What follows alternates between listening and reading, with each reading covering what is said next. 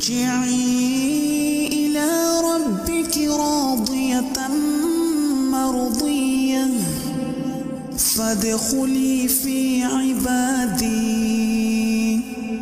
وادخلي جنتي.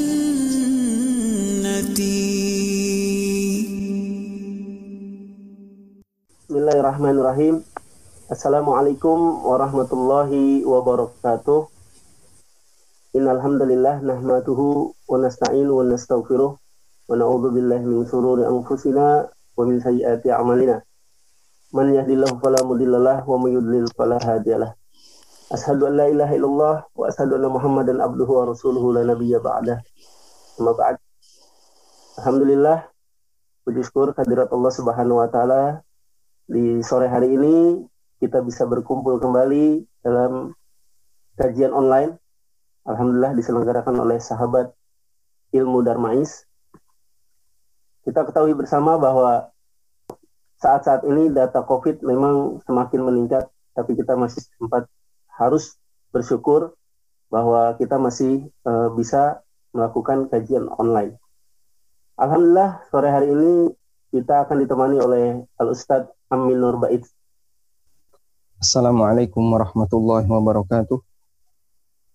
الحمد لله رب العالمين والصلاة والسلام على أشرف المرسلين نبينا ومولانا محمد وعلى آله وصحبه أجمعين وأشهد أن لا إله إلا الله وحده لا شريك له وأشهد أن محمدا عبده ورسوله صلوات ربي وسلام عليه وعلى آله وأصحابه ومن سار على نهجه واستنى بسنته إلى يوم الدين Alhamdulillah, puji syukur kita haturkan kehadirat Allah Azza wa Jal. Di kesempatan sore hari ini, Allah Ta'ala memudahkan kita untuk belajar bersama, sekalipun melalui daring. Semoga Allah memberkahi pertemuan yang kita lakukan. Nabi Shallallahu Alaihi Wasallam menyebutkan dalam hadis yang diriwayatkan oleh Imam Ahmad dan yang lainnya innallaha yu'tid dunya liman yuhibbu wa man la yuhib. Sesungguhnya Allah memberikan dunia kepada hambanya yang dia cintai dan hambanya yang tidak dia cintai. Wala yu'tid dina illa liman yuhib. Namun Allah tidak memberikan kesempurnaan agama melalui ilmu yang Allah berikan kepada hambanya illa liman yuhibbu kecuali kepada hambanya yang dia cintai. Dan kita bersyukur kepada Allah Ta'ala ketika Allah Ta'ala menjadikan kita hambanya yang punya kepedulian untuk belajar. Belajar mengenal ilmu yang Allah berikan kepada nabinya Sallallahu Alaihi Wasallam. Ketetapan yang pertama ini dari ketetapan yang pertama ini Allah perintahkan para hambanya untuk melaksanakannya. Misalnya terkait hukum-hukum yang ada dalam keseharian kita, baik yang ber, berkaitan dengan masalah ibadah, muamalah, maupun yang lainnya. Yang kedua adalah ketetapan berupa takdir, yaitu setiap ketetapan yang Allah Subhanahu wa Ta'ala ciptakan di muka bumi ini. Dan untuk jenis ketetapan yang kedua, yaitu ketetapan takdir Allah Subhanahu wa taala perintahkan manusia untuk menerimanya. Untuk kemudian uh, apa? mengakui bahwasanya itu adalah bagian dari perbuatan Allah dan makhluk diperintahkan untuk menerimanya. Karena itulah ibadah kita terhadap takdir adalah ridho terhadap ketetapan Allah dan ibadah kita terhadap aturan syariat adalah mengamalkannya. Baik. Apakah suara saya bisa ditangkap dengan baik atau putus-putus? Nah, sekarang sudah alhamdulillah Ustaz, sudah semakin baik. Tadi agak sedikit terputus tadi. Dia ketika sakit membahas dari sisi ketetapan Allah jenis yang kedua yaitu ketetapan takdir. Sehingga ketika orang memiliki ilmu dalam masalah ini, orang memiliki ilmu dalam masalah ini, salah satu di antara manfaat besarnya adalah dia bisa menjadi hamba yang baik dalam menyikapi takdir. Karena seperti yang kita tahu, tidak semua orang bisa bersikap yang baik dalam menyikapi takdir. Nabi Shallallahu Alaihi Wasallam ketika beliau berdakwah banyak di antara kebiasaan buruk jahiliyah yang masih melekat pada sebagian sahabat. Terutama terkait masalah takdir. Maka kita kenal ada istilah tiaroh, yaitu berkeyakinan sial karena sebab tertentu. Dan ada di antara mereka yang tidak mau uh, menerima takdir itu dengan baik, sehingga mencela Allah Ta'ala. Nabi SAW pernah mengingatkan, La tasubbud dahra, fa innallaha huwa dahru. Orang, orang Arab, kalau mereka lagi jengkel, nasibnya nggak baik, maka mereka mencela waktu. Kemudian Nabi SAW melarangnya, La tasubbud dahra. Jangan kalian mencela waktu. Fa innallaha huwa dahru. Karena Allah lah yang mengatur waktu. Yuqallibu al-laila wan nahar. Dia yang mengatur siang dan malam. Sehingga ketika ilmu belum sampai kepada mereka, kondisinya seperti itu. Dia mudah mencela waktu, mudah mencela Allah, tidak ridho terhadap ketetapan Allah Subhanahu wa taala. Sebaliknya, sahabat yang memiliki ilmu yang bagus, setelah dia belajar dari Nabi Shallallahu Alaihi Wasallam, maka dia bisa lebih tabah, lebih sabar, ridho ketika menerima takdir. Bahkan mereka bisa bersyukur kepada Allah Ta'ala ketika mendapatkan takdir buruk. Makanya bisa kita jumpai banyak di antara mereka ketika mengalami sakit, justru mereka bahagia. Bahkan salah satu di antara mereka ketika mendapatkan tusukan pedang dari musuhnya, dia langsung mengatakan dengan teriak, lakot fustu. Aku menang dia mati itu menyebutnya menang. Dalam uh, sebuah peristiwa perang, ada salah satu sahabat yang ketika dia kena tombak, jadi tidak langsung mati, dia sempat mengatakan, lakod fustu, saya menang. Sehingga kematian adalah kemenangan. Ada juga di antara mereka, ketika dadanya terkena panah, namun tidak sampai nembus ke tulang rusuknya. Datang ke hadapan Nabi SAW, minta tolong untuk diobati. Kemudian Nabi SAW memberikan pilihan, dan ini terjadi pada Rafiq bin Khadij radhiyallahu. Nabi SAW memberikan pilihan. Kalau kamu mau, saya bisa cabut dan saya doakan agar cepat sembuh. Dan kalau kamu mau, saya akan patahkan. Aku akan patahkan anak panah itu sehingga mata dari anak panah itu tetap berada dalam dadamu dan nanti akan menjadi saksi bagimu ketika di hari kiamat. Apa yang bisa kita bayangkan? Sahabat ini pilih yang kedua. Akhirnya dipatahkan oleh Nabi SAW dan ditinggalkan sebagian di dalam dadanya. Namun tidak sampai mengalami infeksi yang parah sehingga sahabat Rafi bin Khadij tetap bertahan hidup dalam waktu yang lama tapi meninggalkan bekas uh, anak panah, mata anak panah yang ada dalam daging dadanya. Demikian pula ada seorang sahabiat, sahabat wanita, yang dia mengalami penyakit ayan. Datang menghadap Nabi Sallallahu Alaihi Wasallam. Kalau penyakit ayan itu lagi kambuh, dan ada yang mengatakan itu karena kesurupan. Jadi kadang jin mengganggu hamba itu kadang uh, atau tidak setiap saat. Kadang dia kesurupan, kadang tidak kesurupan. Saat dia mengalami penyakit ayan atau sedang kesurupan, dia sampai melepaskan bajunya, sampai telanjang. Akhirnya datang kepada Nabi Shallallahu Alaihi Wasallam minta agar diobati. Kemudian Nabi SAW ngasih dua pilihan. Jika kau mau, saya akan doakan agar kau sembuh. Tapi jika kau mau, saya membiarkan kau seperti ini, tapi nanti bagimu surga. Wanita ini pilih yang mana? Pilih yang kedua. Namun dia minta kepada Nabi SAW, Ya Rasulullah, saya pilih yang kedua, tetap sakit nggak apa-apa, sampai saya mati. Namun saya berharap agar Anda berdoa kepada Allah, sehingga ketika saya sedang kambuh penyakit saya, saya tidak telanjang kemudian didoakan oleh Nabi Shallallahu Alaihi Wasallam. Ini beberapa contoh ketika seseorang punya pendidikan yang baik, punya ilmu yang benar, dalam masalah iman kepada hari akhir dan tentang ridho terhadap takdir, maka terkadang dia lebih memilih untuk mendapatkan kondisi yang tidak baik agar bisa mendapatkan janji baik di akhirat. Dan itu berdasarkan rekomendasi dari Nabi Sallallahu Alaihi Wasallam. Seperti yang kita pahami bahwasanya semua manusia pasti mengalami sakit. Ibarat kata pepatah, tidak ada gading yang tak retak. Sehingga siapa pun pasti sakit.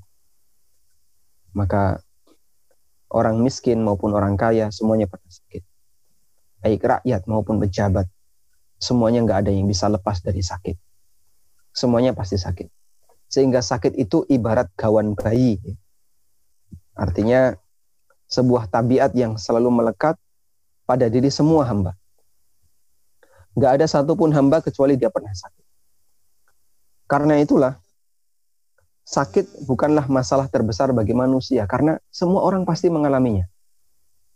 Namun yang lebih penting untuk kita perhatikan adalah bagaimana kita bisa menjadi hamba yang terbaik ketika sakit. Sehingga kita bisa mendapatkan pahala ketika sakit dan sakit itu bukan menjadi sebab musibah yang kedua. Karena itulah Nabi Shallallahu Alaihi Wasallam pernah berdoa kepada Allah. Jika manusia tidak bisa terhindar dari musibah dunia, baik yang menimpa pada fisiknya seperti sakit atau mengalami kecelakaan atau yang menimpa pada batinnya seperti sakit hati. Kalau manusia tidak bisa lepas dari musibah dunia, beliau berharap kepada Allah, jangan sampai musibah dunia itu menjadi sebab musibah yang kedua, yaitu musibah di akhir. Di mana musibah yang kedua itu lebih besar dibandingkan musibah yang pertama. Dalam salah satu doanya Nabi SAW mengucapkan, wala taj'alid dunya akbar hammina wa mablagha ilmina wala taj'al musibatana fi dinina Ya Allah, janganlah engkau jadikan dunia itu sebagai harapan terbesar kami. Dan jangan sampai engkau jadikan musibah yang menimpa kami adalah musibah yang merusak agama kami. Karena kalau musibah itu menimpa agama seorang hamba, maka ada resiko yang lebih berbahaya dibandingkan sebatas musibah yang menimpa fisiknya. Disebutkan dalam sebuah hadis yang diriwayatkan oleh Imam Ahmad, At-Tirmidzi dan yang lainnya. Nabi Shallallahu alaihi wasallam pernah bersabda, "Innallaha idza ahabba qauman ibtalahum. Faman radiya falahu ridha wa man sakhita falahu sukh." Sesungguhnya Allah ketika mencintai satu kaum, maka Allah akan menguji mereka. Siapa yang ridho terhadap ujian Allah, maka dia akan mendapatkan ridhonya Allah. Dan siapa yang marah terhadap ujian Allah, tidak terima dengan musibah yang Allah berikan, falahu maka dia akan mendapatkan murkanya Allah. Sehingga di sini ada dua pilihan. Ketika Allah Subhanahu wa taala memberikan musibah bagi Allah. Pertama, dia bisa mendapatkan ridho Allah jika dia ridho kepada musibah itu. Dan yang kedua, dia bisa mendapatkan murka Allah jika dia marah terhadap musibah itu.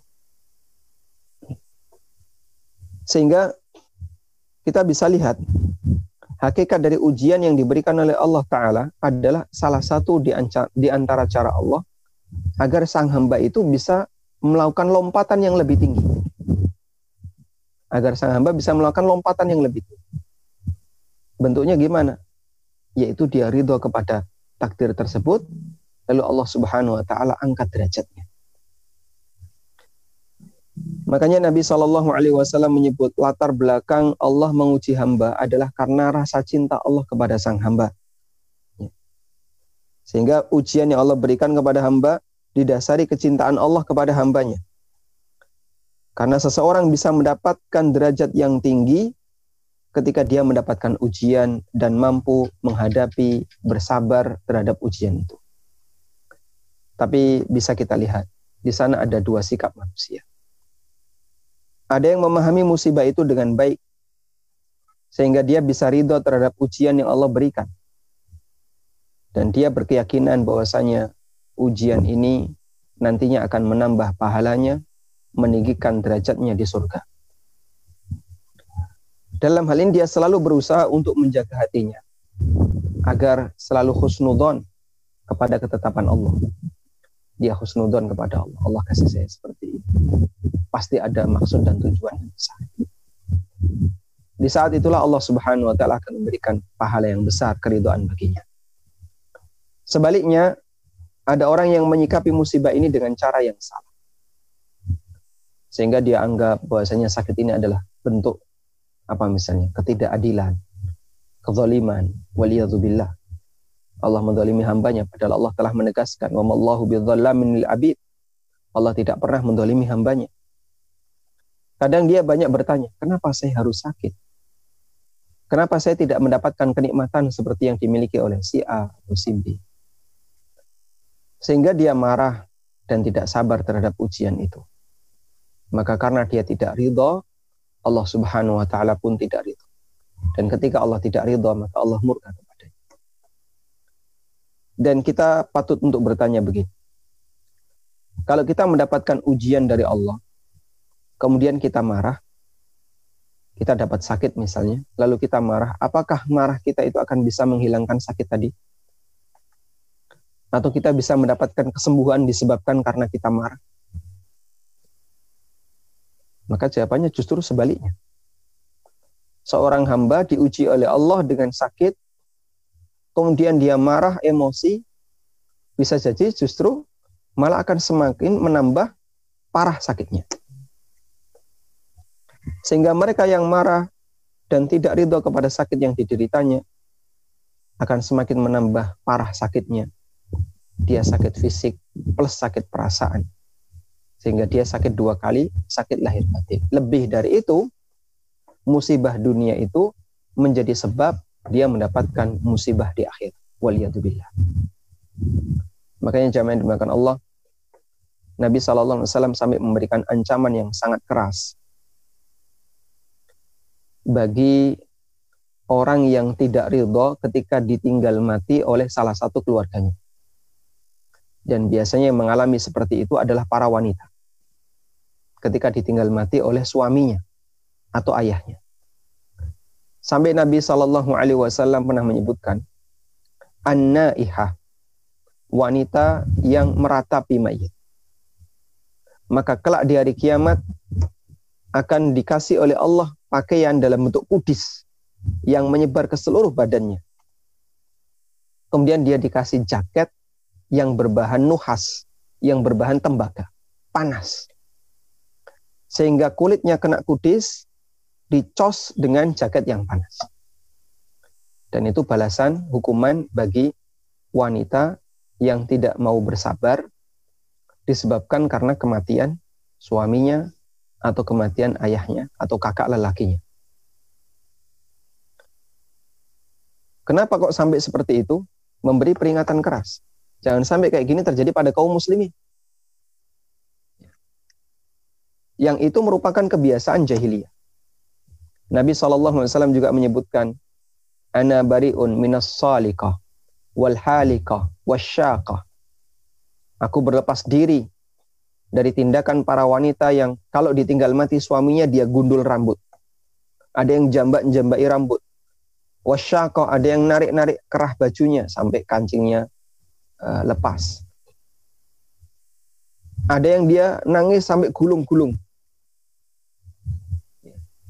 Yang itu semuanya adalah respon yang menunjukkan kalau dia nggak ridho terhadap takdir Allah Subhanahu wa taala.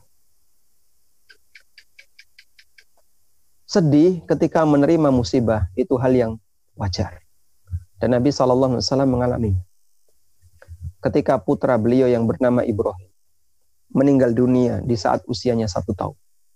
Anak usia satu tahun itu kan lucu-lucunya. Dan Ibrahim ketika itu adalah putra lelaki yang masih hidup. Yang lainnya sudah meninggal. Beliau punya Qasim, punya Abdullah, tapi sudah meninggal dulu. Kemudian beliau mendapatkan seorang anak lelaki dari Maria. Maka Nabi SAW sangat senang dengan kehadiran Ibrahim. Tapi Allah takdirkan Ibrahim wafat ketika Nabi Alaihi atau ketika Ibrahim berusia satu. Dimakamkan oleh Rasulullah SAW wa ainahu tadrifan. Sementara beliau menangis. Maka sahabat merasa terheran. Ya Rasulullah tabki. Ya Rasulullah masa anda nangis? Apa jawab Nabi SAW inna la nu'adzabu bihada walakin nu'adzabu bihada kata Nabi SAW kita tidak dihukum oleh Allah Ta'ala disebabkan karena tangisan ini. Sehingga sedih itu tidak dilarang ketika orang dapat musibah. Wa innama nu'adzabu bihadza. Namun kita dihukum oleh Allah dengan ini. Lalu beliau tunjuk lisannya. Orang kalau nggak ridho, kadang ngomongnya ngawur. Atau kadang dia teriak-teriak. Atau kadang dia menyampaikan kalimat-kalimat yang mengundang murka Allah. Dan itulah yang menyebabkan sang hamba justru mendapatkan musibah yang kedua, yaitu musibah di akhirat. Tayyib. Disebutkan dalam hadis dari Abu Sa'id Al-Khudri radhiyallahu beliau pernah mengunjungi Rasulullah wasallam yang saat itu sedang sakit. Abu Sa'id meletakkan tangannya di badan Nabi wasallam. Dan beliau bisa merasakan panasnya badan Rasulullah SAW, panas yang luar biasa. Lalu Nabi Shallallahu Alaihi Wasallam mengatakan, jadi beliau demamnya itu dua kali demam manusia biasa. Ketika Nabi Shallallahu Alaihi Wasallam mengalami demam, panas badannya itu dua kali panas badan manusia biasa. Suhunya berapa Pak? Wallahu alam. Yang jelas disebutkan dalam sebuah riwayat bahwa demamnya Nabi SAW itu dua kali demam manusia biasa. Apakah dua kali lipat? Jadi kalau kita demam misalnya di suhu 38, 39 atau bahkan 40 misalnya, berarti Nabi SAW suhunya 80. Apa enggak pecah itu pembuluh darahnya? Wallahu alam, yang jelas beliau hanya menyatakan demamnya itu dua kali. Kata beliau, Inna kadzalika yushaddadu alainal bala. Sesungguhnya kami para nabi diberi ujian yang sangat berat. Wa yudha'afu al ajru sehingga pahala kami dilipat gandakan. Pahala kami dilipat gandakan oleh Allah Ta'ala. Maka ujian berat yang dialami oleh Nabi Sallallahu Alaihi Wasallam dan itu juga dialami oleh para oleh para nabi di masa silam bisa melipatkan melipat gandakan pahala yang Allah berikan kepada mereka. Kemudian Abi Sa'id pun bertanya, Ya Rasulullah, man asyadun nasi bala? Siapakah orang yang paling berat ujian hidupnya? Kemudian Nabi SAW bersabda, Al-anbiya'u thummal amthal fal amthal. Para nabi, kemudian di bawahnya para nabi, lalu di bawahnya para nabi. Sehingga ujian itu diberikan oleh Allah sesuai dengan tingkat imannya, sesuai dengan tingkat ketakwaannya kepada Allah Ta'ala. Makanya Nabi SAW menyebutkan orang yang paling yang paling berat ujiannya adalah para nabi. Kemudian manusia yang derajatnya di bawah para nabi. Para ulama, siddiqun. Lalu manusia yang derajatnya di bawah para ulama, para siddiqun as-salihun, orang-orang saleh. Kemudian beliau melanjutkan. Kana ahaduhum yubtala bil faqri hatta ma yajidu illa al-aba'ah yalbasuha. Ada di antara nabi yang dia diuji oleh Allah dalam bentuk menjadi orang yang sangat miskin. Menjadi orang yang sangat miskin sampai tidak ada harta yang dia miliki selain hanya satu helai kain. Yang lain itu nggak punya. Yalbasuha yang dia gunakan untuk pakaian. Masya Allah. Ya. Padahal kita punya setumpuk baju. Ini ada Nabi yang diuji oleh Allah dalam kondisi sangat miskin, sehingga harta yang beliau miliki hanya satu helai kain yang beliau gunakan untuk pakaian wa yubtala bil kummal hatta yaqtulahu. Ada juga yang dikasih ujian oleh Allah dalam bentuk kutu. Sampai kutu itu membunuhnya. Wallahu alam. Ini gambarannya kayak gimana. Wal ahaduhum ashaddu farahan bil bala min ahadikum bil ata. Sungguh di antara mereka ada yang lebih bahagia ketika mendapatkan ujian, melebihi kebahagiaan kalian ketika mendapatkan gaji, ketika mendapatkan hadiah duit. Kita akan merasa bahagia kalau dapat gaji, dapat duit, ya, dapat harta, kita merasa bahagia. Kata Nabi Shallallahu Alaihi Wasallam, orang di masa silam, yaitu para nabi di masa silam, ada di antara mereka yang lebih bahagia ketika mendapatkan ujian melebihi kebahagiaan kalian ketika mendapatkan hadiah. Masya Allah. Hadisnya riwayat Al-Baihaqi dan Abu Ya'la dalam musnadnya dan statusnya hadis yang sahih. Sehingga kita bisa lihat seperti itulah kondisi para nabi yang mereka menjadi imamus sabirin imam bagi orang-orang yang sabar. Ujian yang luar biasa dihadapi oleh mereka. Agar ditiru oleh umatnya. Bahwa hamba-hamba Allah yang mulia itu bukanlah model manusia yang hidupnya selalu enak, selalu nyaman, tidak. Tapi mereka hidup dengan penuh keterbatasan, bahkan mereka hidup penuh dengan ujian. Bahkan mereka gembira ketika mendapatkan ujian, melebihi kegembiraan kita ketika mendapatkan harta. Karena dia yakin bahwa keberadaan ujian itu pertama bisa menjadi kafarah dosa. Yang kedua, kalau dosanya sudah habis, maka bisa menaikkan derajat hamba di sisi Allah Subhanahu wa taala. Sehingga sang hamba akan semakin dekat dengan Allah ketika dia sedang mengalami sakit. Tayyib. Ada sebuah riwayat bahwa satu ketika Sa'ad bin Abi Waqqas radhiyallahu anhu yang beliau dikenal sebagai orang yang doanya mustajab. Beliau pernah berada di Mekah. Dan ketika itu beliau sudah tua, matanya buta. Dan beberapa sahabat ketika tua, ada yang penglihatannya dicabut oleh Allah sebagai bentuk ujian yang Allah berikan kepada mereka. Karena Nabi Wasallam mengatakan, barang siapa yang diuji oleh Allah dalam bentuk Allah hilangkan penglihatannya dua anggota yang dia cintai, lalu dia bersabar, maka dia akan mendapatkan surga. Sehingga ada di antara para sahabat yang mereka ketika mendekati kematian atau di usia senja mereka buta. Salah satunya adalah Sa'ad bin Abi Waqqas. Dan ketika saat berada di Mekah, padahal asalnya beliau tidak tinggal di Mekah, masyarakat pada berdatangan dan menyambutnya. Karena mereka berkeyakinan doa saat sangat mustajab. Seperti yang pernah disabdakan oleh Nabi Wasallam. Dan itu bagian dari kelebihan saat bin Abi Waqqas. Maka satu demi satu orang meminta didoakan oleh saat. Ada yang minta A, minta B, minta C. Seperti yang umumnya kita uh, dapati di masyarakat jika ada orang yang apa doanya mustajab pasti didatangi banyak orang. Ya. Padahal belum tentu doanya mustajab kalau di zaman kita. Saat bin Abi Waqqas didatangi oleh banyak orang, mereka minta doa. Sampai akhirnya datang seorang pemuda yang bernama Abdullah bin Sa'id. Lalu beliau memperkenalkan diri kepada Sa'ad bin Abi Waqqas. Setelah memperkenalkan Abdullah bertanya, Ya Ammi, wahai pamanku, Anda mendoakan banyak orang dan doa itu mustajab.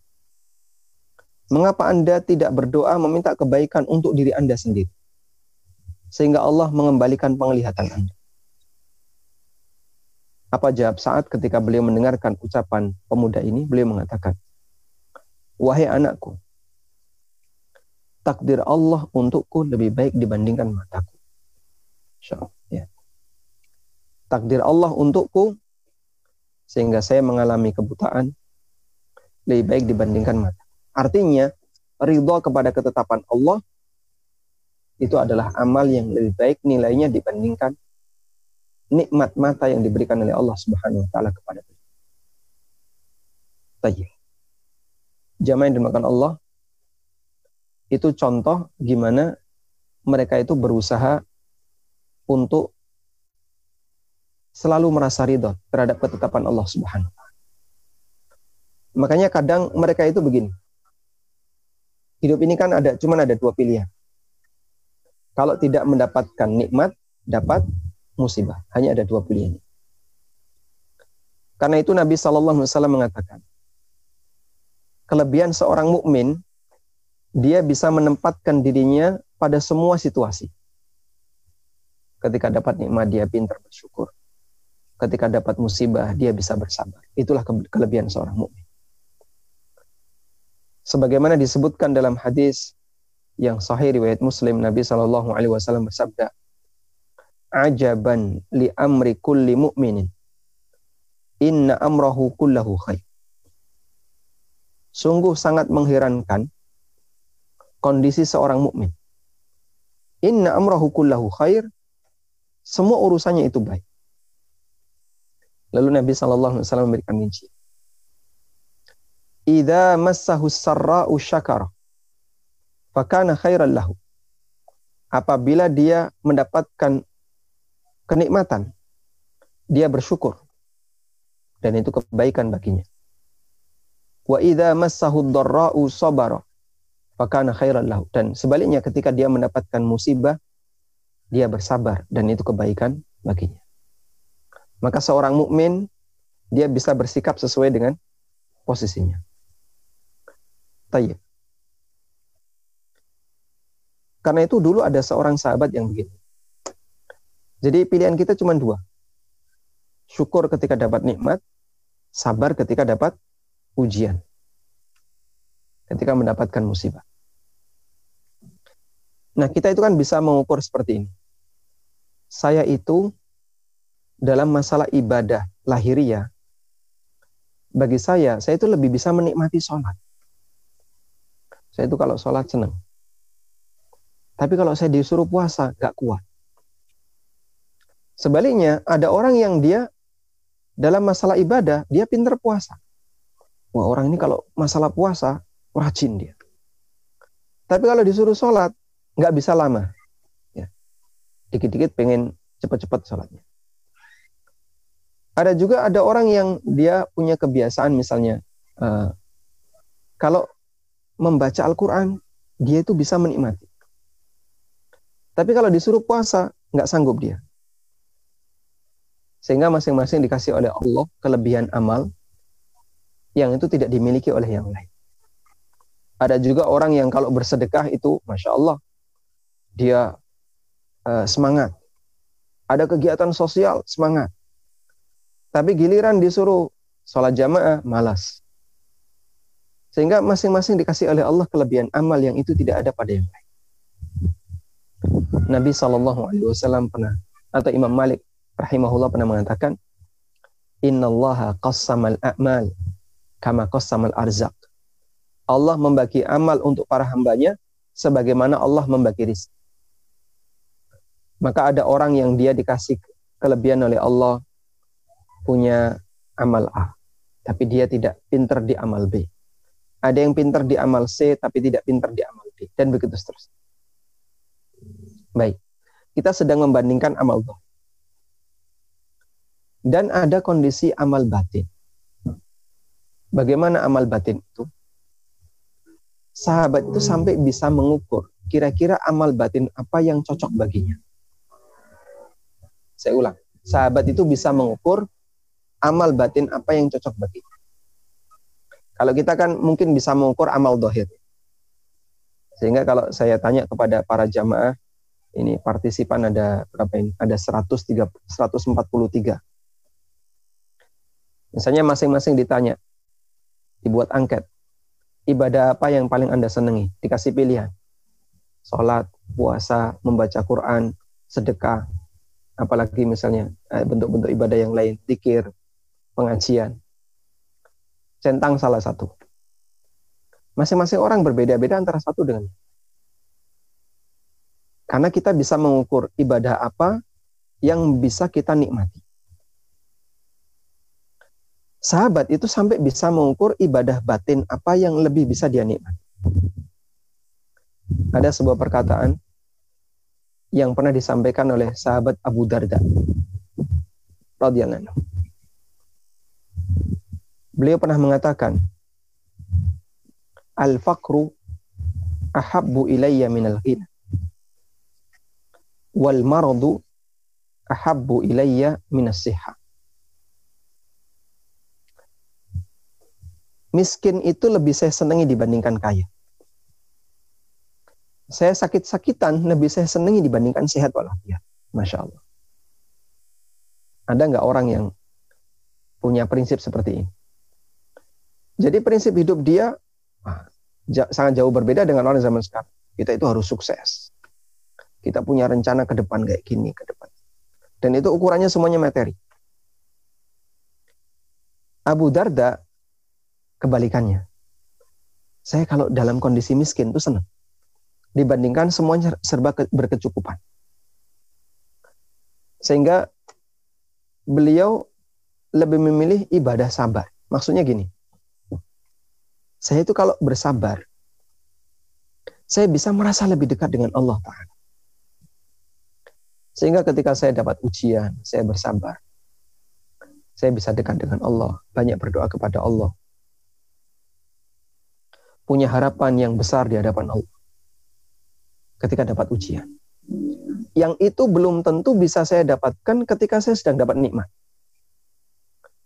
Kenikmatan untuk bermunajat, bisa merasakan kelezatan dekat dengan Allah. Itu saya rasakan ketika saya sedang dapat musibah. Ya. Yang kondisi kenikmatan itu belum bisa saya belum bisa saya temukan ketika saya dapat nikmat.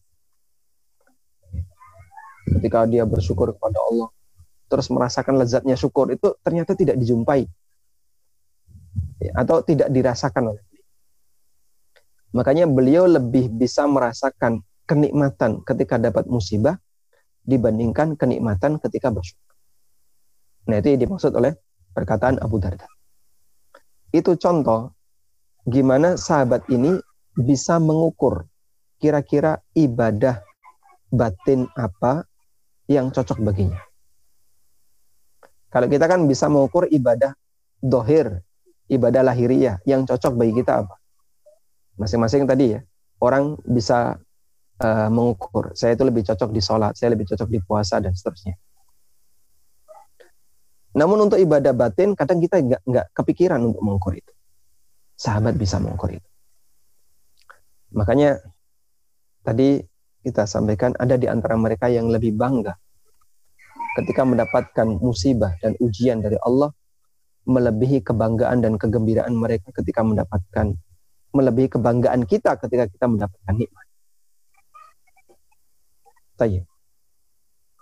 Dan itulah kegembiraan yang mereka alami disebabkan karena keyakinan bahwa disebabkan karena keyakinan bahwa musibah dan ujian yang dialami oleh hamba hakikatnya akan menambah kebaikan bagi hamba di akhirat kelak. Sebagaimana yang itu bisa dilakukan oleh orang-orang soleh di masa silam, maka insya Allah kita pun bisa. Kita pun bisa melakukannya. Kita bisa berbahagia ketika kita mendapatkan musibah dari Allah. Namun, itu perlu latihan. Dan tinggal saatnya kita berlatih untuk bersabar dan ridho ketika kita mendapatkan ujian dari Sang Kuasa. Wallahu taala alam. Tayyip, mungkin itu yang bisa kita sampaikan sebagai mukaddimah Semoga apa yang kita sampaikan ini bermanfaat dan kajian ini sebenarnya lebih kepada motivasi.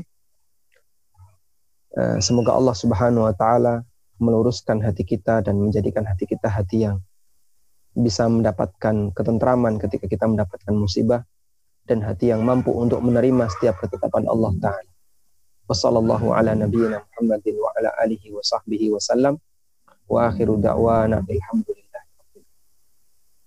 Selanjutnya kami kembalikan ke pembawa acara. Taib. Barakallahu fiik Ustaz. Masih ada waktu untuk bertanya ya Ustaz ya. Tafadhal. Masya Allah. Barakallah. Ini semua Ustaz. pesertanya eh, Baik. nakes ya. Kenapa Ustaz? Semua pesertanya nakes. Ah, ada ada yang bukan nakes juga Ustaz karena kita eh, apa kirim juga kita sebarkan juga ke yang lain Ustaz. Masya Allah. Nah, Nah, tapi sebagian besar insya Allah nakes di sini Ustaz. Masya Allah. Barakallahu fikum. Terima kasih jazakallah khairan Ustaz. Baik, eh, pertanyaan pertama Ustaz Eh, dari Bapak Ari.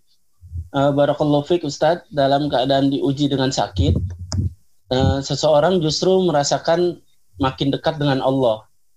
Orang tersebut khawatir bila kembali sehat, dengan rutinitasnya khawatir kembali sombong, ujub, lalai, dan kembali jauh dari Allah. Mohon nasihatnya Ustadz agar dalam keadaan kembali sehat dapat mempertahankan uh, agar dapat semakin meningkat kedekatannya dengan Allah Subhanahu wa taala. Masya Allah. Masya Allah. Baik, ini mirip seperti yang tadi kita eh, sebutkan. Jadi seperti beberapa sahabat yang dia bisa merasa dekat dengan Allah di saat dapat musibah. Sampai dia memohon kepada Allah aneka dijadikan terus dalam kondisi dapat musibah lebih saya sini, lebih saya sukai dibandingkan ketika Allah kasih nikmat kepada beliau. Karena itu kita tidak tahu seperti apa takdir Allah yang Allah berikan untuk kita. Apakah Allah akan berikan kebaikan, eh, apa Allah akan berikan kesehatan bagi kita, ataukah Allah akan jadikan kita orang yang bertahan dalam kondisi sakit. Wa ala kullin, namun intinya seorang mukmin kata Nabi SAW selalu dihadapkan pada kondisi yang terbaik. Ketika dapat musibah, dia sanggup untuk bersabar. Dan ketika mendapatkan nikmat, dia selalu berusaha untuk bersyukur. Nah, kalau dia khawatir, jangan-jangan kalau saya dapat nikmat, justru nanti saya jauh dari Allah. Maka kekhawatiran itu satu hal yang baik, berarti dia sudah waspada dari awal. Nah, orang kalau sudah waspada dari awal, dia akan berhati-hati. Awas loh ya, nanti kalau sembuh, jangan sampai kemudian kembali nakal seperti dulu. Akhirnya dia berhati-hati, jadikan sakit ini sebagai ikhroh. Dan jangan lupa untuk berdoa kepada Allah, memohon perlindungan. Jangan sampai kita menjadi orang yang ucup, orang yang sombong, disebabkan karena nikmat yang Allah Ta'ala berikan kepada kita. Wallahu a'lam. Masya Allah. Jazakallah khair Ustaz. Kemudian pertanyaan kedua Ustaz eh, dari Sela. Assalamualaikum warahmatullahi wabarakatuh. Izin bertanya Ustaz, bila ada seseorang sakit berat, awalnya dia tidak menerima sakitnya tersebut. Tetapi lama-kelamaan seiring waktu dia menjadi sabar dan bisa menerima dengan ikhlas. Apakah orang ini bisa mendapatkan pahala sabar yang sama dengan orang-orang yang sabar pada awal ujian? Nah. Waalaikumsalam warahmatullahi wabarakatuh. Disebutkan dalam sebuah hadis yang sahih innamas sabru inda sadmatil ula. Sesungguhnya sabar itu yang terukur adalah sabar ketika pertama kali dapat ujian. Namun makna hadis ini seperti ini ya. Jadi ujian itu ada dua bentuk. Ada ujian yang dia tetap berlaku meskipun dalam waktu yang lama. Tapi ada ujian yang dia berlaku di awal waktu, kemudian selanjutnya adalah efeknya. Contoh untuk yang jenis yang pertama, orang yang mengalami sakit. Misalnya hari ini dia sakit, berarti dia sedang dapat ujian. Lalu terus dia sakit sampai berbulan-bulan. Nah, selama sakitnya itu belum diangkat, berarti dia sedang dapat ujian sakit itu. Maka di rentang waktu itu dia harus berusaha untuk kembali bersabar.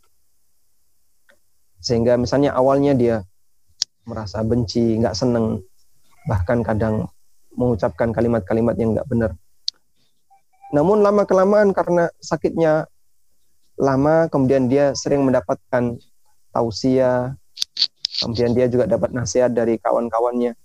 Akhirnya dia berubah. Dia berubah, lalu menjadi orang yang baik, berusaha untuk sabar terhadap sakit yang dialami. Insya Allah dia tetap dapat pahala. Dan semoga sabarnya ini menjadi kafarah atas kesalahannya di awal-awal sakit. Kemudian jenis musibah yang kedua, jadi musibahnya terjadi di awal waktu. Setelah itu tinggal pengaruhnya. Misalnya orang kehilangan motor. Saat orang kehilangan motor, rasa sedih yang paling berat ketika kapan? Ketika pertama kali dia tahu kalau motornya hilang. Ketika pertama kali dia tahu, dia ngerti kalau motornya hilang. Nah, di saat itulah sabar yang sebenarnya. Inna sabru inda sadamatil ula. Sesungguhnya sabar adalah ketika uh, kali pertama orang itu mendapatkan ujian. Nah, efeknya, efeknya kan lambat laun itu kesedihan itu akan semakin berkurang. Nah, di saat kesedihan sudah mulai berkurang lalu dia ngomong, "Sudah sekarang saya sabar." Ya, kalau kayak gini sudah nggak kepake. Seharusnya kamu sabar saat pertama kali waktu kamu mendapatkan ujian kemarin saat dengar atau tahu kalau motormu hilang. Sekarang kamu sudah punya motor baru. Sudah ada gantinya. Baru ngomong sabar. Ya nggak ngefek. Itu yang dimaksud innam sabru inda sadamatil. Wallahu a'lam. Masya. Baik Ustaz, selanjutnya pertanyaan sepertinya banyak nih pertanyaan nih Ustaz. Masya Allah. uh, dari Indah Danya, izin bertanya Ustadz, bagaimana apakah benar sedekah itu salah satu ikhtiar untuk kesembuhan dan apakah hadis ini sohi? Obatilah orang-orang yang sakit di antara kalian dengan sedekah bentengilah harta kalian dengan zakat dan siapkanlah doa untuk menghadapi musibah. Nah. Ada sebuah hadis yang cukup ma'ruf di masyarakat. Hadisnya mengatakan dawu mardakum bis sadaqah. Obatilah orang yang sakit di antara kalian dengan bersedekah. Namun hadis ini diperselisihkan oleh para ulama apakah ini hadis sahih ataukah hadis yang dhaif. Ada sebagian yang mengatakan ini hadis yang hasan dan ada yang mengatakan ini hadis yang dhaif. Wa ala kullin intinya adalah bahwa dengan sedekah orang bisa mendapatkan manfaat. Dan bentuk manfaat dari sedekah itu adalah Allah Subhanahu wa taala akan memberikan keberkahan bagi hidupnya. Dan salah satu di antaranya doanya akan menjadi doa yang mustajab. Maka dengan bersedekah lalu dia berdoa kepada Ta'ala untuk mendapatkan kesembuhan, insya Allah termasuk di antara sebab mendapatkan kesembuhan. Terlepas dari apakah hadis itu sahih ataukah tidak. Jadi teks hadisnya dawu mardakum bisadaqah. Obatilah orang-orang yang sakit di antara kalian dengan sedekah. Namun hadis ini ada yang menilai hasan dan ada yang menilai dhaif dan wallah saya uh, tidak paham tentang penilaian yang terakhir. Sehingga kalau kita taklid kepada ulama yang menilai hasan berarti sedekah punya pengaruh terhadap penyakit seseorang. Tapi kalau kita mengikuti ulama yang mengatakan hadis ini dhaif maka sedekah bisa kita jadikan sebagai ikhtiar untuk berdoa. Kita bersedekah lalu setelah itu kita berdoa kepada Allah agar Allah Subhanahu wa taala uh, menyembuhkan sakitnya. Wallahu a'lam. Masya Allah. Masih lanjut ya Ustadz, boleh ya Ustadz pertanyaannya? Assalamualaikum Ustadz, izin bertanya. Uh, seseorang sedang mengalami sakit, tapi dia tidak mau berobat dengan minum obat dari dokter. Yang orang in, yang orang sakit itu inginkan ingin mencari alternatif dengan pengobatan herbal selain menggunakan obat-obat kimia. Apakah sikap orang sakit tersebut menggambarkan bahwa dia tidak ridho dengan ketetapan, ketetapan dari Allah dan bagaimana cara orang sakit tersebut memperoleh ridho Allah sehingga ujian sakitnya menjadi ladang pahala baginya? Baik. Yang pertama uh, pembahasan saya buat lebih lebar lagi. Apa hukum berobat ketika sakit? Apa hukum berobat ketika sakit. ulama berbeda pendapat. Namun ada sebagian keterangan yang mengatakan ulama sepakat berobat ketika sakit itu nggak wajib. Apa dalilnya? Tadi sahabiat datang kepada Nabi SAW. Ya Rasulullah, saya punya sakit seperti ini. Tolong obati saya. Kemudian Nabi SAW ngasih pilihan. Kalau mau saya obati kamu. Dan kalau mau, kalau mau kamu bisa bertahan dalam kondisi sakit, tapi nanti kamu dapat surga. Sahabiat ini pilih yang kedua. Beliau pilih yang kedua. Nggak apa-apa, saya sakit. Bertahan sakit sampai mati. Sehingga beliau itu sakit kumat eh, kumat ayan ya, kumat ayan karena kesurupan itu sampai mati. Bertahan seperti itu. Setelah wafatnya Nabi Wasallam, sahabat ini masih hidup. Dan para sahabat mengatakan, kalau kalian ingin melihat wanita penduduk surga yang dia jalan di pasar, lihatlah ibu itu. Dia adalah orang yang dijamin oleh Nabi Shallallahu Alaihi Wasallam masuk surga. Dan itu dalil bahasanya berobat itu tidak wajib. Karena manusia itu hanya bisa mengobati, namun yang menyembuhkan adalah Allah Subhanahu wa taala. Baik. Dan Nabi Ibrahim alaihissalatu wassalam pernah mengatakan wa idza maridtu fa yashfin. Apabila aku sakit, maka Allah lah yang menyembuhkan. Baik. Ini mukadimah yang pertama. Yang kedua, bahwa berobat itu ikhtiar. Berobat itu ikhtiar. Dan ikhtiar itu kan tidak satu pilihan. Ada banyak pilihan. Sebagaimana orang ketika ingin mendapatkan harta, ada banyak pilihan ikhtiar. Dia bisa berikhtiar A, B, C, D, dan seterusnya. Tapi yang namanya hasil, siapa yang menentukan? Allah Azza wa Jalla. Maka nikmat harta didapatkan oleh manusia dengan cara dia berikhtiar mencarinya. Nikmat sehat didapatkan oleh hamba dengan cara dia berikhtiar. Namun mengenai hasil yang menentukan hanya Allah Subhanahu wa taala. Makanya makhluk bisa nggak mengobati? Nggak bisa. Yang bisa eh, makhluk bisa nggak menyembuhkan? Nggak bisa. Makhluk hanya bisa mengobati. Karena itu kalau ada pasien mengatakan, dok tolong sembuhkan saya. Tolong kalimat ini diluruskan. Mohon maaf Pak, dokter nggak bisa menyembuhkan. Yang benar gimana? Dok tolong obati saya. Nah, kalau mengobati dokter bisa. Dalam doa yang kita baca ketika kita mendoakan orang yang sakit. Allahumma la syafiya la shifa'a illa shifa'uk syifaan lahu yughadir saqam. Ya Allah tidak ada kesembuhan kecuali kesembuhan dari Engkau. Sehingga Allah Ta'ala memiliki nama Asy-Syafi. Dat yang menyembuhkan.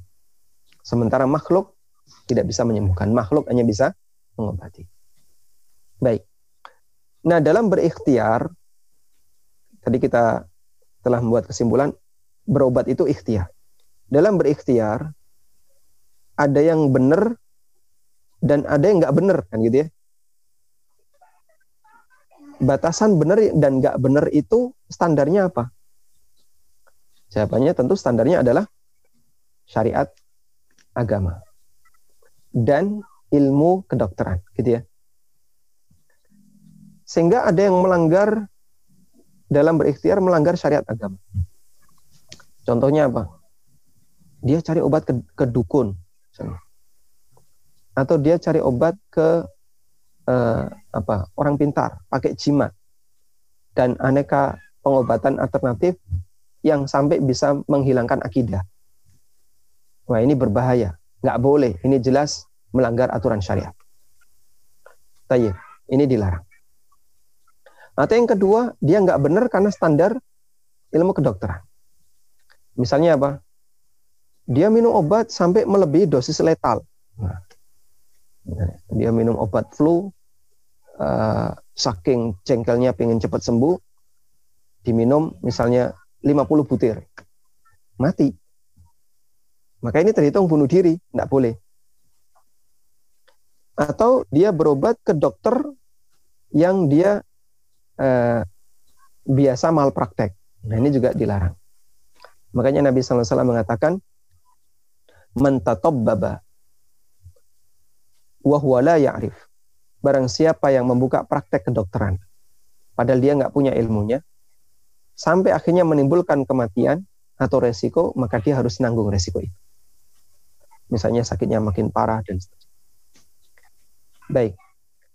Nah, di masyarakat dalam masalah pengobatan itu kan ada uh, ilmu kedokteran modern dan ada ilmu kedokteran klasik. Dan dua-duanya ilmu manusia. Duanya itu ilmu manusia. Karena dua-duanya ilmu manusia, maka menurut saya pribadi, salah satu tidak lebih unggul dibandingkannya. Maksudnya gimana Pak? Ya ini kan sama-sama ilmu manusia. Ibaratnya begini. Ada orang yang punya keahlian teknik, itu ilmu manusia ya dengan orang yang punya keahlian bidang kesehatan. Itu juga ilmu manusia. Ya, sarjana teknik sama dokter itu lebih mulia mana sih? Duh. Anda membandingkan dari sisi mana? Kalau Anda bandingkan dari sisi ya ini sama-sama ilmu yang dimanfaatkan oleh manusia, berarti tidak bisa dibandingkan mana yang lebih tinggi derajatnya. Ini sama-sama sarjana. Sarjana MIPA dengan sarjana apa misalnya eh, peternakan itu lebih tinggi mana? Yang ini sarjana kimia, yang ini sarjana peternakan. Ya nggak bisa dibandingkan ini sama-sama ilmu manusia.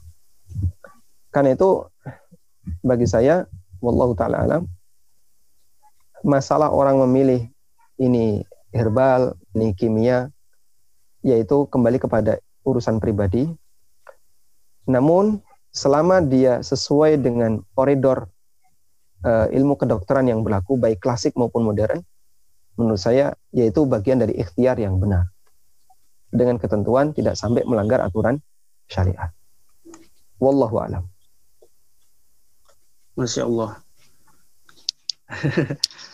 Semakin menarik nih Ustaz pertanyaan-pertanyaannya nih Ustaz kemudian selanjutnya dari Ibu Supriyati Ustaz apakah para nabi juga berdoa untuk diangkat musibah atau penyakitnya Ustaz? Uh, seperti Nabi Muhammad Shallallahu Alaihi Wasallam ketika beliau sakit, beliau pernah diruqyah oleh Jibril dan beliau juga pernah berdoa kepada Allah Taala untuk minta kesembuhan dari sakit beliau seperti yang beliau lakukan ketika beliau meruqyah Ya, tapi ini diajarkan untuk sahabat ya. Jadi ada sahabat yang sakit, lalu Nabi SAW minta kepada sahabat ini, letakkan tanganmu di bagian yang sakit, lalu baca Bismillah, Bismillah, Bismillah. A'udzu billahi wa qudratihi min syarri ma ajidu wa uhadiru. Dalam hadis yang cukup ma'ruf. Dibaca tujuh kali.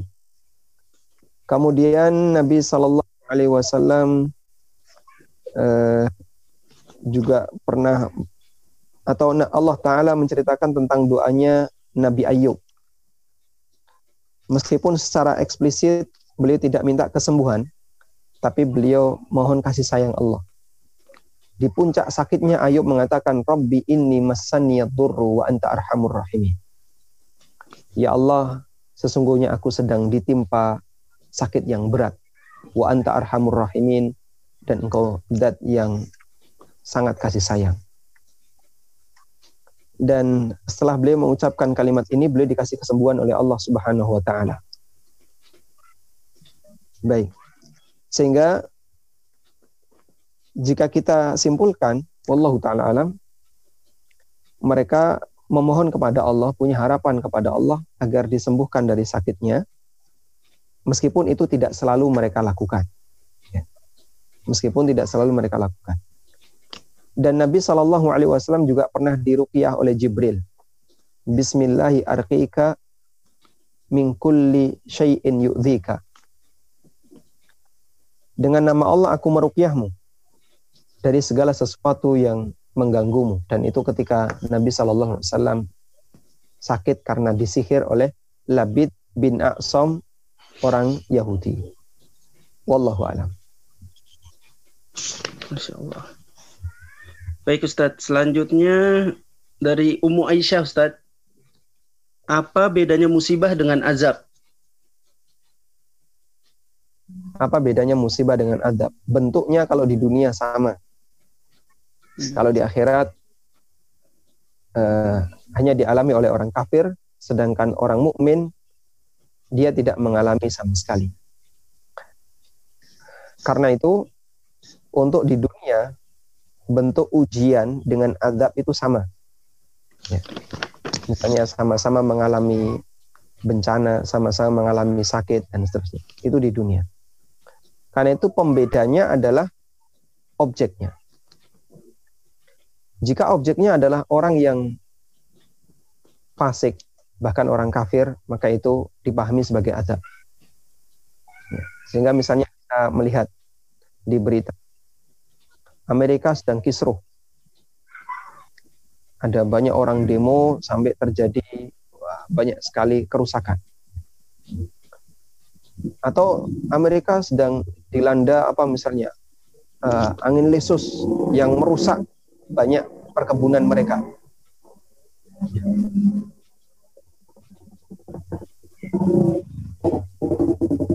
Maka kita kita bisa langsung berkomentar ini ada. Karena yang mengalaminya adalah orang kafir. Sebaliknya, ketika mukmin yang baik mengalami situasi yang sama, itu ujian baginya. Sehingga Allah Subhanahu wa taala meningkatkan derajatnya dengan cara seperti ini. Wallahu alam. Baik Ustadz, selanjutnya dari Allegrina. Saya punya ibu usia 86 tahun dan cuci darah seminggu sekali. Akhir-akhir ini beliau malas makan dan selalu mengerang kesakitan. Kami letakkan murotal di dekat beliau tidur. Uh, bagaimana menghadapi kondisi ibu saya tersebut, Ustadz? Nah, selain itu juga uh, beliau juga ini punya ayah nih, punya ayah 90 tahun mengeluh sakit telinga dan komplain dokternya tidak bagus. Nah, bagaimana sikap kami, Ustadz? Baik. Pertama yang lebih penting dalam kondisi seperti ini adalah menyelamatkan akidahnya. Jadi begini Bapak Ibu. Ada kondisi tertentu yang ketika itu dipertahankan hidup justru malah membuat lelah yang bersangkutan. Dalam arti kalau beliau ini sudah sakit-sakitan seperti ini ya. Di usia yang sudah sangat senja 86 tahun, 90 tahun. Kira-kira kalau orang ini dikasih pilihan, dikasih pilihan, Bapak lebih pilih mana? Nanti sehat, disembuhkan ya, kemudian sehat. Atau Bapak lebih pilih husnul khotimah. Orang menyadari hidup ini sudah sangat melelahkan. Sudah usia 90 tahun kan, bersikap A, makan nggak ada yang nikmat lagi. Diajak jalan-jalan, naik mobil, kadang pusing, muntah. Kemudian duduk, nggak bisa lama, tiduran pusing. Sehingga semuanya dalam kondisi nggak enak. Karena dia uh, secara fisik sudah turun. Baik. Karena itulah manusia akan mengalami kelelahan yang lebih parah di saat mendekati usia senja. Makanya kadang dalam kondisi ini harapan kita bukan mengarah kepada mempertahankan kehidupan, tapi semoga Allah memberikan yang terbaik. Allah memberikan yang terbaik itu gimana? Wallahu alam. Sesuai dengan apa yang Allah kehendaki. Yang jelas Allah kasih yang terbaik. Bisa jadi yang terbaik bagi bagi beliau adalah kematian. Sehingga kita memohon kepada Allah, ya Allah berikanlah yang terbaik untuk kedua orang tua kami.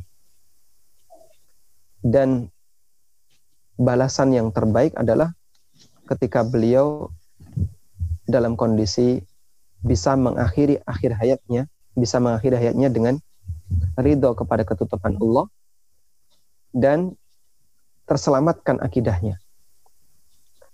Karena itu kami sarankan ibu bisa gantikan eh, rekaman audio ceramah yang kira-kira bisa memperbaiki kondisi batin orang tua. Misalnya gimana? Nah, dikasih apa misalnya? Eh, di, dikasih rekaman ceramah Ustadz Syafiq atau ceramah Ustadz siapa yang bisa menenangkan batin. Kemudian dari situ beliau kemudian menjadi sadar dan kembali bersemangat untuk beribadah kepada Allah semampunya merasa dekat dengan Allah. Insya Allah itu yang terbaik. Dengan tetap menjaga ikhtiar agar beliau uh, apa bisa tetap mendapatkan hak pengobatan. Silahkan dilanjut. Sehingga seperti posisi tadi, Bapak kemudian uh, merasa apa nggak nyaman. Nah, kalau dia mau menyalahkan takdir, kalau beliau mau menyalahkan takdir, rasanya wah ini nggak benar. Akhirnya yang disalahkan apa? Dokternya. Meskipun beliau sendiri juga nggak ngerti ilmu kedokteran. Oh, dokternya gini. Nah, kadang itu bisa menjadi salah satu apa pengantar.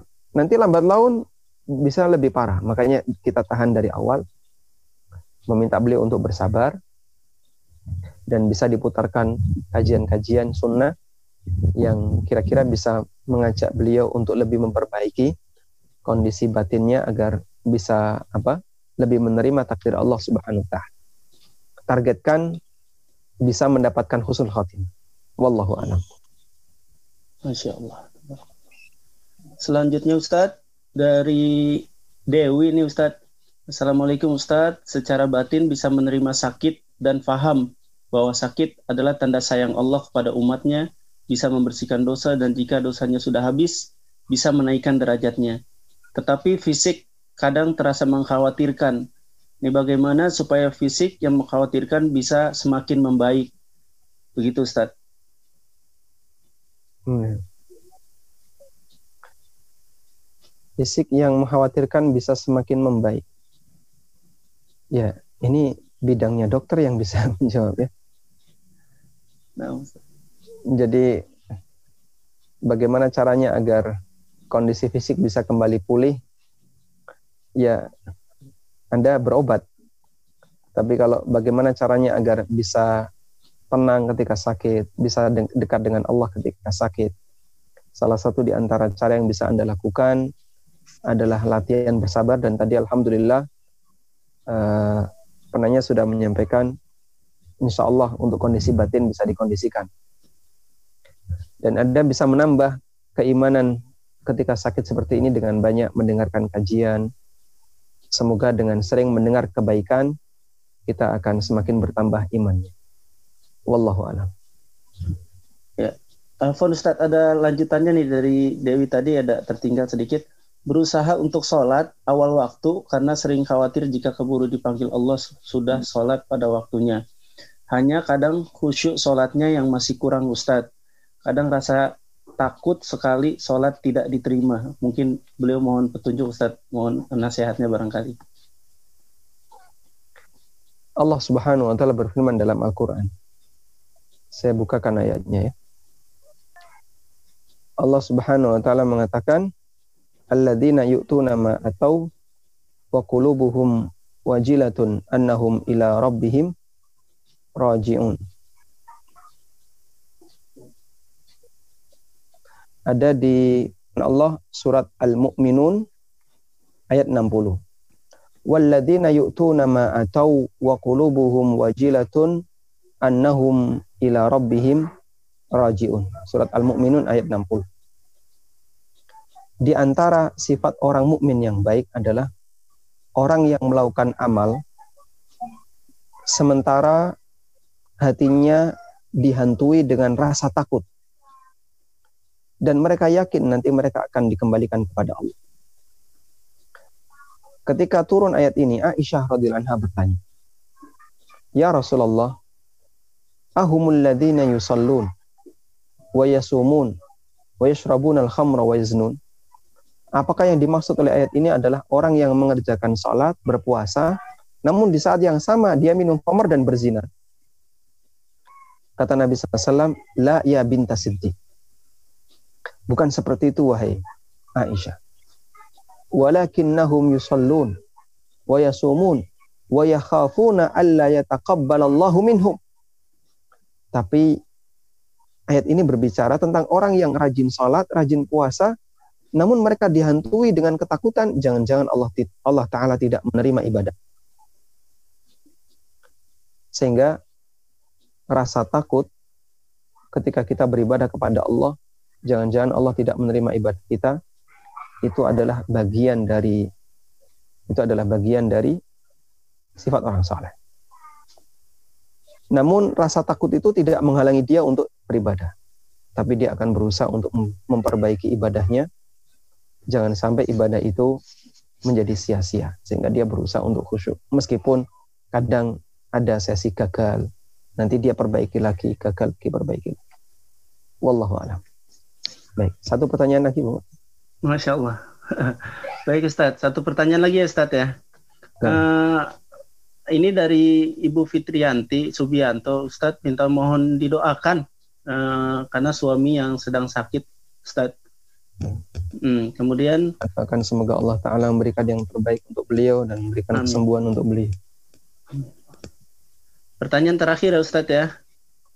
Assalamualaikum Ustadz, apakah ujian sakit itu bisa kita artikan sebagai akibat dari dosa-dosa kita? Apakah ujian yang sakit itu bisa kita artikan sebagai akibat dari dosa-dosa kita? Itu cara berpikir yang benar ya. Ketika kita mendapatkan ujian agar kita tidak suudon kepada Allah. Sebagaimana yang dikatakan oleh Abu Hanifah rahimahullah. Beliau mengatakan, setiap kali saya mendapatkan kondisi yang tidak enak dalam hidup saya, baik karena uh, interaksi dengan istri yang nggak nyaman, ya meskipun istrinya ulama ya kadang sesekali bikin suami sakit hati, atau anak yang nggak enak untuk diajak komunikasi, kadang anaknya sedikit bantah sama orang tuanya, atau ketika beliau uh, mengalami kerugian ketika berdagang, apa kata kata Abu Hanifah? Saya meyakini itu semuanya diakibatkan karena dosaku. Sehingga apa pun kondisi yang tidak baik yang dialami oleh beliau selalu dikembalikan ini salah saya. Sehingga menuntut saya untuk banyak bersabar dan memohon ampun kepada Allah taala. Allah taala berfirman, "Wa ma asabakum min musibatin fabima kasabat aidikum wa ya'fu an katsir.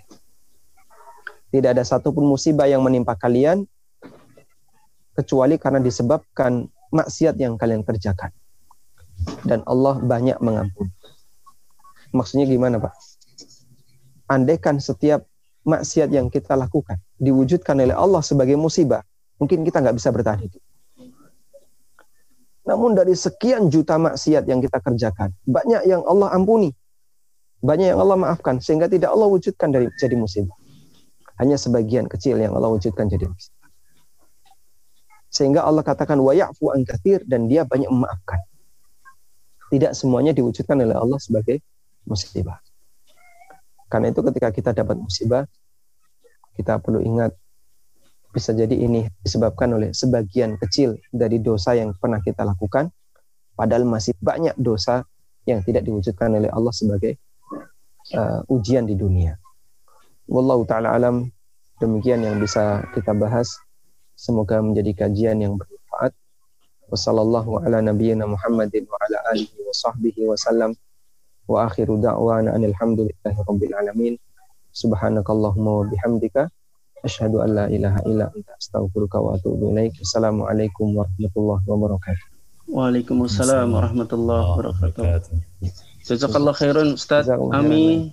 Jazakallah khairan Ustaz. Jazakallah khairan Saya izin lift dari meeting. Baik Ustaz. Fadal Ustaz. Barakallahu fikum Ustaz. Barakallahu. Assalamualaikum. Waalaikumsalam warahmatullahi wabarakatuh. ارجعي إلى ربك راضية مرضية فادخلي في عبادي وادخلي جنتي